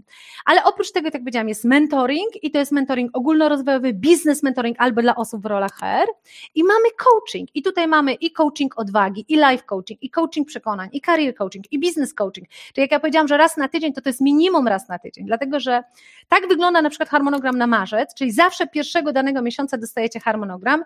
I widzicie, na przykład załóżmy, że jutro będzie o 10 e, wprowadzenie do metody w ogóle self-coachingu, czyli jak się w ogóle self-coachować. Ale już czwartego o 14 będzie właśnie o tej odwadze, a potem jakby w międzyczasie macie coachingi, na które się zapisujecie. To trochę jak znacie Netflixa, to jest trochę tak, że to w ogóle nie chodzi o to, że macie wziąć udział we wszystkim, to wy trochę decydujecie, w czym macie ochotę wziąć udział, w czym na żywo, na jakie sesje się zgłosić, a czego potem e, posłuchać. Także widziałam, że Ewa już odpisała. Ci wszyscy, którzy są self-coaching program, wy wszyscy e, dostajecie, bez względu na to, na, jakby na, gdzie jest wasz fokus rozwojowy, odwaga kobieca do was przychodzi.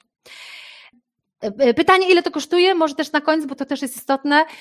Podkreślę tylko, słuchajcie, praca coachingowa, bo ja podkreślam, że self-coaching program to jest program coachingowy. To jest wydatek minimum kilkaset złotych, a business coaching to jest kilka tysięcy. Natomiast self-coaching program dzięki swojej konstrukcji jesteśmy w stanie oferować za 279 zł miesięcznie. Czyli to wszystko, co Wam pokazałam, macie za 279 zł. Myślę, że z, całym sercem powiem, nie znajdziecie lepszego wsparcia coachingowego za taką cenę, jeśli chodzi właśnie o pracę nad sobą. Podsumowując, Self-coaching program to przede wszystkim rozwój poprzez coaching i mentoring. Na dzień dzisiejszy mamy 300 osób i ja za każdym razem, jak coś robię, to trąbię o tym, że chcę, żebyście dołączyli, dlatego że moją misją jest, żebyśmy tych osób mieli tysiąc, a nawet i więcej, bo ja wiem, co się z wami dzieje, kiedy wy z jednej strony nad sobą pracujecie coachingowo, a z drugiej strony macie też coś takiego, że widzicie, jak inni na tym pracują, czyli tak naprawdę budujemy społeczność ludzi. Nie? To jest dla mnie, to jest, to jest moja misja, którą mam na dzień dzisiejszy. E, po drugie, to jest platforma też na platformie online, czyli albo na żywo się odbywa tak jak tutaj, a jeśli nie możecie być na żywo, to oglądacie kiedy chcecie, bo macie dostęp do tego non-stop. Po trzecie, e, Będąc na programie, macie cały czas dostęp do wszystkich materiałów, czyli nawet jeżeli e, Mówicie, Boże, ja w marcu nie zdążę, mam tyle rzeczy. Jesteście dalej z nami w kwietniu, to macie dostęp do wszystkiego, co było w marcu. Jakby to wam kompletnie nie otwiera. Monika pisze, warto, SCP otwiera y, oczy. Też tak uważam i nie boję się w ogóle o tym mówić, ale dziękuję też Moniko bardzo, że to podkreślasz. Monika pisze 279 zł miesięcznie, czyli ile miesięcy trzeba wykupić. Ty możesz się zdecydować, że ty chcesz sama sobie sprawdzić, ile sama jesteś w stanie osiągnąć przez miesiąc pracując metodą self-coachingową. I mówisz, ja tylko wchodzę na marzec, tak? Jakby ja dłużej, dłużej nie zostaję, tak? I wtedy mm, to też pokaże właśnie, że ty się zapisujesz i mówisz, ja tylko 279 zł, tylko w ciągu miesiąca jakby chcę popracować nad uwagą e, mm, kobiecą i potem generalnie rezygnujesz, więcej już nie, nie funkcjonujesz. To ty decydujesz. Ja w pracy coachingowej zachęcam was, żebyście gdzieś zadeklarowali się dla siebie na dłuższy proces rozwojowy, ale ponieważ nie wiecie tak naprawdę, jak to, jak to wygląda, e, to możecie tylko przez miesiąc sobie być, a potem jakby już zrezygnować. Bo co jest istotne, często też pytacie, bo zapisujemy się na zasadzie takiej abonamentowej, czyli za pomocą karty e, płatniczej, e, gdzie jakby potwierdzacie, że jakby zgadzacie się na, na obciążanie waszej karty, ale jeżeli na koniec marca mówicie, ja dziękuję, ja tylko nad odwagą chciałam popracować więcej już nie, to my kończymy waszą subskrypcję, nie? Jak w Netflixie, po prostu kończycie, wychodzicie, nie ma żadnych okresów wypowiedzeń, cała płatność jest bezpieczna przez PayU i macie też możliwość jakby te, przetestowania tego programu. Słuchajcie, to tyle, jeśli chodzi o self-coaching program. Moją wielką misją jest naprawdę, tak jak mówię, e, aha, i tutaj jest link, bo już też e, Ewa dała, ale to też podkreślam, moją wielką misją jest to, żeby każda z nas, tak jak nie wiem, ja się śmieję na torebkę, wydajemy 270 zł co miesięcznie, ja bym chciała, żebyście, żebyście miały coacha obok siebie, który wam pokaże, jeżeli będziecie też nad sobą pracować, że będziecie korzystać z coachingu, z mentoringów, jaką transformację w swoim życiu będziecie w stanie osiągać, nie? Mam nadzieję, że z wieloma z Was się zobaczę. Natomiast kończąc oficjalnie, ale jeżeli będą jeszcze jakieś pytania, to zostaje. Chciałabym tym zakończyć tak. Pokazaliśmy, pokazaliśmy Melisę Meyer, która po dwóch miesiącach, e, po dwóch tygodniach po urodzenia dziecka wróciła do pracy. I ja powiedziałam, ja nie taki świat chcę budować. Ja mam dwie córeczki, ja naprawdę nie taki świat chcę budować. Ale tak jak e, Sheryl Sandberg, e, która jest bardzo wysoko postawiona, powiedziała, że kiedy była w ciąży, i bardzo już zaawansowany i przyszła na spotkanie zarządu w Facebooku i przyjechała autem i nie mogła, słuchajcie, zaparkować. Mówi, jak to jest możliwe, że dla kobiet w ciąży nie ma miejsc parkingowych blisko wejścia? I ona wpadła, słuchajcie, na ten wykład, boże, na ten wykład, dziękuję za wykład, ja teraz na wykład. Wpadła na zebranie zarządu i słuchajcie, jak to jest możliwe, że nie ma takiego miejsca dla kobiet w ciąży? Wszyscy mężczyźni patrzyli na nią, wiesz co, Nigdy tak wcześniej nie pomyśleliśmy. Oczywiście nie ma problemu. I ona dlatego mówi: słuchajcie, że to nie chodzi o to, żeby iść na szczyt, ale żeby wejść do tej gry. Bo jeżeli kobiety się nie włączą do tej gry, to my nigdy nie zbudujemy bardziej przyjaznego biznesu. Nie takiego biznesu, gdzie po dwóch tygodniach kobieta wraca, tak? Nie taki biznes chcemy budować, ale taki biznes, gdzie w ogóle to nie z powodu złych chęci mężczyźni o nas nie myślą, tylko po prostu nikt z nich nigdy nie był w ciąży, więc skąd może wiedzieć, że potrzebne jest takie miejsce. I do tego Was bardzo serdecznie, słuchajcie, yy, yy, zachęcam. O, Angelika, dziękuję bardzo. Jestem na self-coaching program od pięciu miesięcy. Polecam Wam dziewczyny z całego serca. Dziękuję bardzo, Angelika. To Ty decydujesz, czym jest Twój szczyt. Wcale nie musisz być prezesem. Możesz swoją firmę roz, e, otworzyć, możesz robić cokolwiek chcesz, nie? To, ale jednak zdecyduj świadomie. Z perspektywy marzeń i aspiracji, a nie strachu i komfortu. I do tego Was bardzo serdecznie zachęcam. Dziękuję Wam bardzo serdecznie. Słuchajcie, czy mam jeszcze momencik zobaczyć, jeżeli jakiekolwiek pytania się pojawiły merytoryczne, na które nie odpowiedziałam, e, to proszę dać znać. Jeszcze mogę dwie, trzy minutki e, zostać. Dziękuję za te miłe słowa. Bardzo dziękuję. E, spece polecam. Super. Mam nadzieję. Czy wystawiamy faktury? Oczywiście, że wystawiamy faktury. Możecie, to wtedy to jest 220 zł netto. Dla tych z Was, co prowadzą swoje własne firmy, to 220 zł netto. Ja też powiem, słuchajcie, że my bardzo mocno yy, yy, pracujemy też z organizacjami, żeby też organizacje zapisywały ludzi do tych programów, pomagając właśnie, jakby to, żeby to był taki, taki well-being, takie włożenie firmy tak naprawdę w pracowników, budowanie ich siły psychicznej i żeby jakby też im to opłacały. Także jeżeli pracujecie w dobrej firmie, możecie ich zaprosić do tego, żeby Wam Wam za to zapłaciły. Wtedy się wykupuje półroczne albo roczne nawet dostępy, gdzie pracujemy nad różnymi rzeczami, nad budowaniem siły psychicznej, nad odwagą właśnie kobiecą, nad budowaniem zaufania do siebie i tak dalej, i tak dalej. Kasia pisze, bo tutaj tak mówię, jeszcze momencie zostanę na pytanie. Ja wiem, że część z Was musi iść, ale jeszcze zostanę. Tutaj widzę, że też Edyta prosi o powtórzenie pytania. Zgubiło się już trzykrotnie, czekaj Edyta, a rozumiem, że to było bardzo ważne pytanie. Słuchajcie, bo jakby tak dużo piszecie nagle komentarzy. Mam tak, Kasia pisze, co jeśli nie popełniasz błędów, ale masz silną osobowość i jesteś zagrożeniem?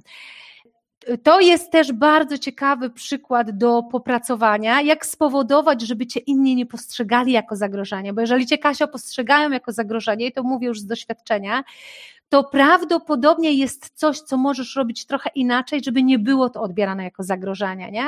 Bo ja cię absolutnie rozumiem, bo wiele też moich klientek to są właśnie kobiety bardzo silne, ale z czasem nikt z nas nie ma ochoty na funkcjonowanie w środowisku, gdzie nas nie lubią, albo właśnie to, to, to co mówiliśmy, nie? że jakby sukcesu kobiet nie lubią. W związku z tym można by było na pewno popracować nad tym, w jaki sposób używać Twojej osobowości. Czasami to się mówi tak, jak mówisz, że na przykład u mężczyzn trzeba trochę przykręcać pewne rzeczy. To być może Kasia, u Ciebie to też tak jest. Jakby do pewnego poziomu zajdziesz z silną osobowością, ale dalej już nie pójdziesz, nie? bo zespół za Tobą tobą nie pójdzie, ludzie za tobą nie pójdą, tak? Interesariusze nie będą cię wspierać. Także to jest coś, nad czym trzeba byłoby, Kasia, u ciebie popracować, jak to przykręcić, jak jakby utrzymać twoją siłę, ale trochę używać jej e, efektywniej.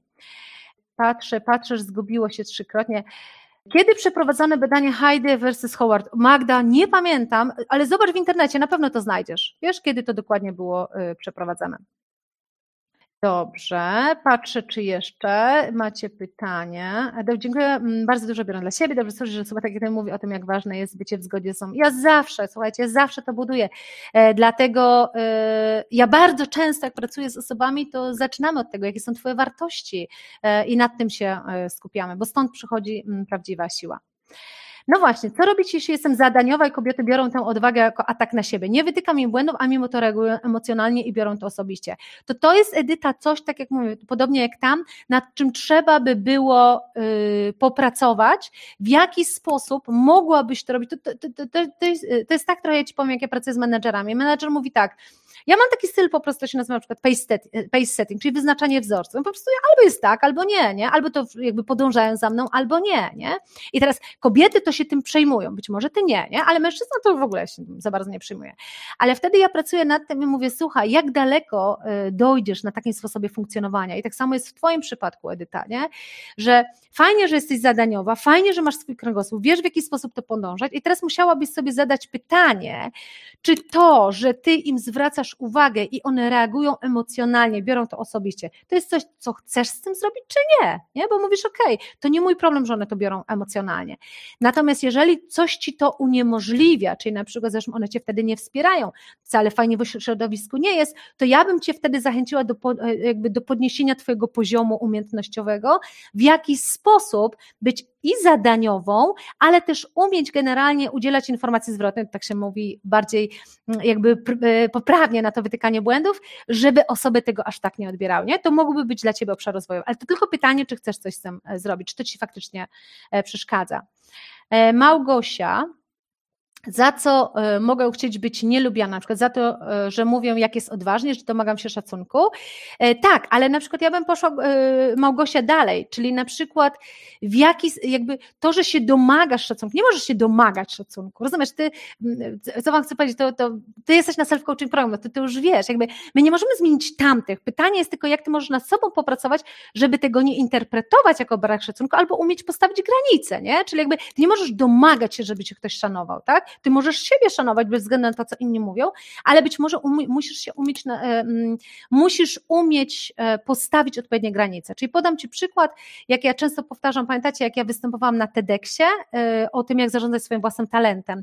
I to wystąpienie jest na na Facebooku, znaczy na, na YouTubie i w związku z tym tam jest masa e, komentarzy, nie? Takich, Boże, co za ideę, ta pani w różowej sukience takie rzeczy przedstawia, na pewno to mąż na nią generalnie łoży, a ona tylko swoje idee e, kreuje, nie? I ja wtedy sobie myślę, czy ja mogę się domagać szacunku od tych ludzi? No, no, nie, nie mogę się domagać. Ja wiem, że ja siebie szanuję, ja wiem, że będzie wiele osób, które będą mnie też za to szanować, ale ja nigdy nie zarzucę tego, żeby inspirować ludzi do podążania własną ścieżką, za życie w zgodzie z wartościami, nawet jeśli ktoś tu będzie obśmiewał i mówił, że są to ideały, nie? I to jest odwaga do podążania ze swoimi ideałami. Nie mogę się domagać szacunku, ale na przykład nie mogę pozwolić, jakby ktoś mi, e, nie wiem, w jakiś sposób do mnie się odpowiadał, to jakby jestem w stanie postawić granice.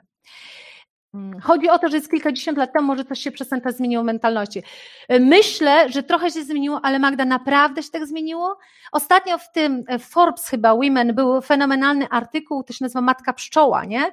Czyli na zasadzie takiej, okej, okay, ja się otaczam też innymi kobietami, ale jest tutaj jedna, która rządzi, nie? Także nie do końca się tak bardzo zmieniło. My byśmy chcieli, żeby aż taka transformacja była, ale niestety nie do końca, nie? I nawet tutaj wasze komentarze też to pokazują, nie? Że jestem zadaniowa, mówię ostro, czego chcę, prawdopodobnie sukces sukcesy też odnoszę i od razu się pojawia generalnie grono, które nie do końca mnie lubi. Nie? Czyli ja bym tak nie grzebała w tych badaniach, tylko przyjrzała się też rzeczywistości. E, Beata pyta, czy jeżeli zdecyduję się na program dopiero w czerwcu, e, czy będę miała dostęp do wcześniejszego? Bardzo trudno mi powiedzieć, jak to będzie w czerwcu. Beata, powiem Ci tak szczerze. Proszę o tytuł książki raz jeszcze. E, jak wklepiesz Elżbieta Krokosz, ty też to masz, to ci on wyskoczy, ten, ten, ten cały.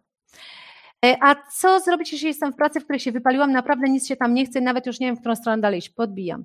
Albo koleżanka, na której ja pracowałam.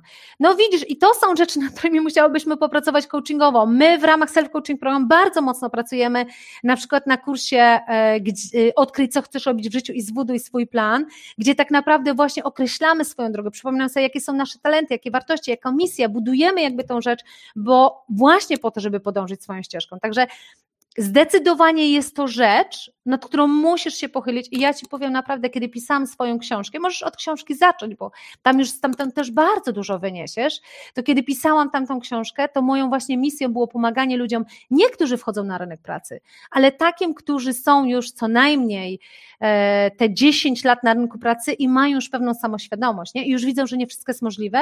I już do kilku rzeczy powchodzili i się zaczynają wypalać. I teraz potrzebują na nowo zbudować tą swoją ścieżkę. Słuchajcie, ostatnie dwa pytania, dlatego że mam już tylko dwie minutki. Iza podpis, okej, okay, podała. Ma różowa sukienka do wykładu, bo ja byłam w różowej sukience. W związku z tym o to chodziło. Panienka w różowej sukience się wystroiła, nie? No, nie mamy wpływu na komentarze, jakie się e, e, pojawiają. Dobrze, słuchajcie. E, gdzie się zapisać? Link końcowy Monika to tutaj dokładnie tdischoolofcoaching.pl ukośnik SCP i tam możecie się zapisywać. Dziękuję Wam bardzo serdecznie. E, dziękuję za super energię. Bardzo przyjemnie mi było z Wami pracować. I ponieważ marzec to jest miesiąc kobiet, bo 8 marca świętujemy kobiety, e, Dzień Kobiet, to dlaczego by nie poświętować nie? całego marca, a w ogóle całego życia? Także dziękuję Wam bardzo serdecznie. Mam nadzieję do zobaczenia z wieloma z Was. Pamiętajcie, jutro my, my wy możecie dołączyć nawet 6 marca, nie ma problemu, ale szkoda by było, żebyście nie byli na tych rzeczach, które robimy na żywo. Jutro prowadzimy o self-coachingu, czyli wprowadzenie, jak się używa modulu spec, jak możecie nad tym pracować, a czwartego startujemy właśnie już ze szkoleniem y, o odwaga, odwaga kobieca. Do zobaczenia. Dziękuję Wam jeszcze raz bardzo serdecznie. Dziękuję za wysłuchanie podcastu TDI School of Coaching. Jeżeli chcesz popracować głębiej i zacząć wdrażać to, o czym opowiadam w tych podcastach, to musisz dołączyć do naszego programu Self Coaching Program. Bo właśnie tam całą tą wiedzę, którą dzielę się z Tobą w tych podcastach, przekładamy na praktykę i wdrażamy do coachowania samego siebie każdego dnia. Więcej o programie znajdziesz na www.tdischoolofcoaching.pl ukośnik Self Coaching Program.